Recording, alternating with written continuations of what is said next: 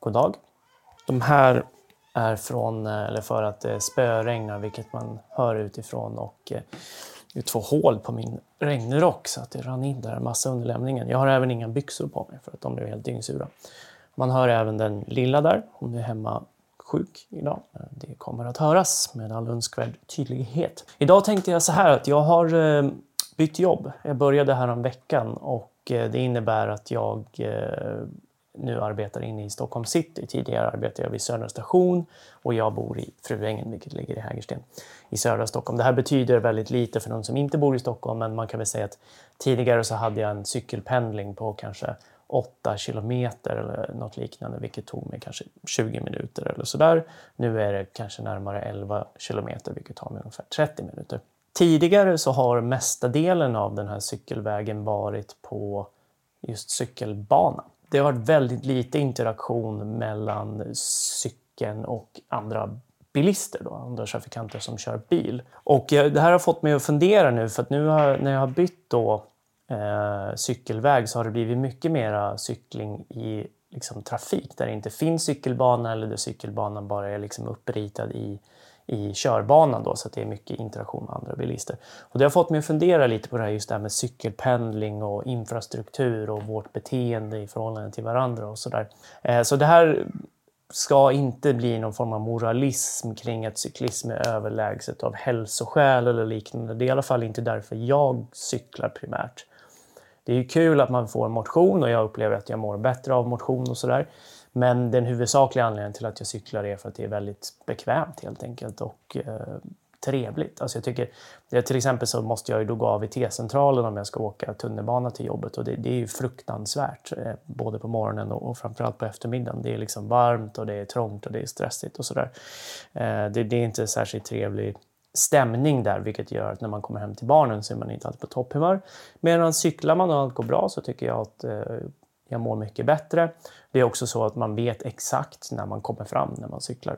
Det, det, är liksom, det kan skilja någon minut kanske eh, beroende på om man fastnar i något extra rödljus eller sådär. Jag stannar faktiskt för rödljus när man cyklar. Medan åker man tunnelbana så kan det skilja en halvtimme för att de här fucking löven på spåren och allt vad det är som, som sätter käppar i hjulet nästan bokstavligen då. Men änden jag tänkte att jag skulle börja i är att liksom på något sätt gräva i varför det blir problem. För jag tror att alla har problem med andra trafikanter oavsett vilket trafikslag man huvudsakligen befinner sig i. Så är man gångtrafikant så har man problem med cyklister, man har säkert problem med bilister också. Är man bilist har man problem med kanske framförallt cyklister men även i många fall gångtrafikanter och, och andra bilister. Eh, är man cyklist så har man problem med, med bägge de här sakerna.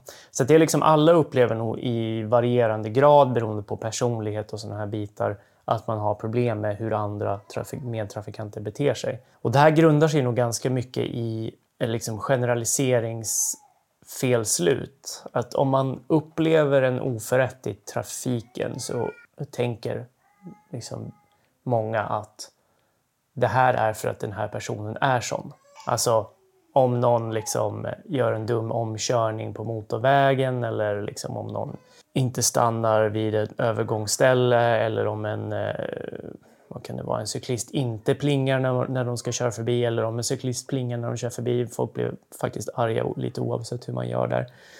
Eh, så upplever man att så här, men här, det här blev så för att den här personen är sån. Det är en, det är en asshole liksom, som beter sig på det sättet. Det man sällan gör är att ta sig tiden och sätta sig in i, i den andra trafikantens huvud och varför det blev på det här sättet.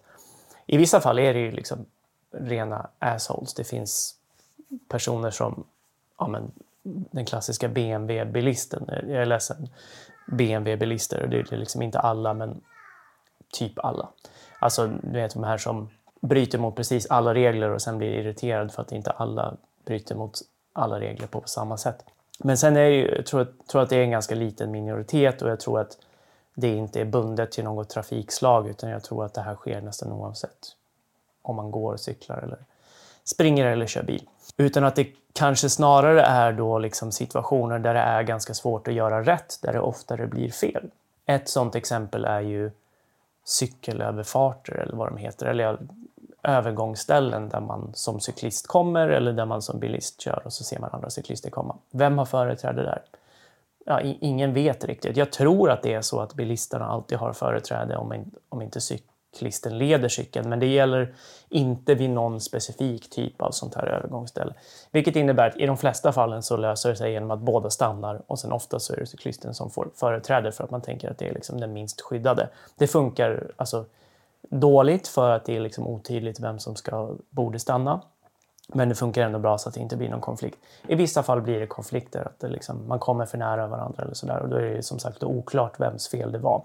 I andra fall, till exempel, det här känner jag jätteväl igen mig i när jag som bilist då kör i delar av en stad där det är mycket cyklister så kan jag bli väldigt stressad för att jag tycker att de kommer nära eller liksom de gör saker som jag inte riktigt är beredd på eller sådär. Medan cyklister känner att jag har full kontroll. Liksom. Det är den där plåtburken där som den här liraren sitter i. Det är inget problem för mig här. Så länge han beter sig som han borde göra så är det här lugnt. Liksom. Och säkert detsamma om man kör buss eller sådana här bitar. Då kan man ju bli förbannat irriterad på när de svänger när man inte tycker att de borde det eller sådär. Men ur deras synvinkel så kan det ju vara väldigt svårt att bete sig på något annat sätt. Eller sådär. Så i många fall så attribuerar man ju saker till en person som egentligen mer har att göra med situationen än deras personlighet. Det här skapar ju någon form av irritation. Det andra är att jag tror att det finns en uppfattning om att varför ska vi lägga mer tid, energi, pengar, resurser på att göra det bättre, på att göra det liksom enklare att cykla, på att öka cyklingen, liksom bygga fler vägar, skylta bättre och sådana här bitar, när det är så få cyklister. Och det är ganska lätt att svara på det. Att det är, för det första är det inte särskilt få cyklister. För det första upplever man att det är få därför att de är små. En bil tar stor plats, den låter väldigt mycket, man hör och ser den väldigt länge. En cyklist tar, är väldigt liten, tar liten plats, låter nästan ingenting, lite rassel och lite pling som vi alla vet. Man hör och ser dem inte särskilt länge, vilket innebär att man kan, en väg kan svälja väldigt många cyklister och få det se ut som att nästan ingen cyklar där medan den kan svälja väldigt få bilar utan att det ser upptaget ut. Så det är fler än man upplever det. Men det är fortfarande så att man ser väldigt tydligt att när man börjar investera i infrastruktur specifikt för cykling så ökar cyklingen i proportion till det. Det här såg man under covid när man byggde sådana här pop-up bike lanes så är det väldigt tydligt. Det finns studier som har visat på att cyklingen ökade precis i proportion till hur mycket man byggde. Det finns studier från USA där man har i vissa städer satsat på cyklingen, till exempel New York och tror det är Atlanta och liknande där man har eh, satsat på att utöka infrastrukturen och sett att cyklingen ökar i proportion. Och det finns eh, studier från till exempel Köpenhamn där om man åker till Köpenhamn eller kanske, Amsterdam så tänker man att så här, ja, men det har alltid sett ut så här. Den här cykelkulturen och så, det har alltid funnits här. Men så är det inte, utan det är liksom under 30-40 år som man har byggt upp det här och det har då radikalt ökat cyklingens andel av den totala, eh, det totala resandet i staden. Så att det finns en direkt proportion mellan hur mycket pengar man har lagt ner på infrastrukturen och hur bra den är och hur mycket cykling som sker. Vilket då innebär att det finns en potential i att öka cyklingen. Och det liksom, ska man gå in på hälsobitar så är det uppenbart, om inte för individen på grund av motionen så i alla fall för alla på grund av det minskade utsläppet. Även med elbilar så är det ju så här att de river upp partiklar från asfalten som verkligen inte är bra för, för någon och särskilt inte för våra barn. kan man tänka på när man ska lämna på förskolan, hur man tar sig dit och sådär. Att det är oavsett hur man gör om man åker bil så kommer man släppa lös saker som inte är bra för folks hälsa och det vore bra om det överlag gick ner. Och sen kan man blä, blä, blä gå in på att vissa behöver bilen och sådär. Det är liksom givetvis så. Men färre än vad man kan tro om inte annat. Och i alla fall inte lika ofta som vissa tror. Nu har jag några få ex kvar av Spring Smart i min låda. Så är man intresserad av ett signerat ex så, så är det läge att höra av sig. Eh, förra gången så sa jag att det är ungefär en månad kvar. Det är, ja, det är väl en månad minus ungefär en vecka då. Eh, kvar av mitt lager av böcker. Så att är man intresserad av ett signerat ex så får man höra av sig. Annars så kan man gå in på tyngre.se om man bara vill beställa ett utan mitt kludd i. Det var allt för idag. Vi ses och hörs när vi gör det.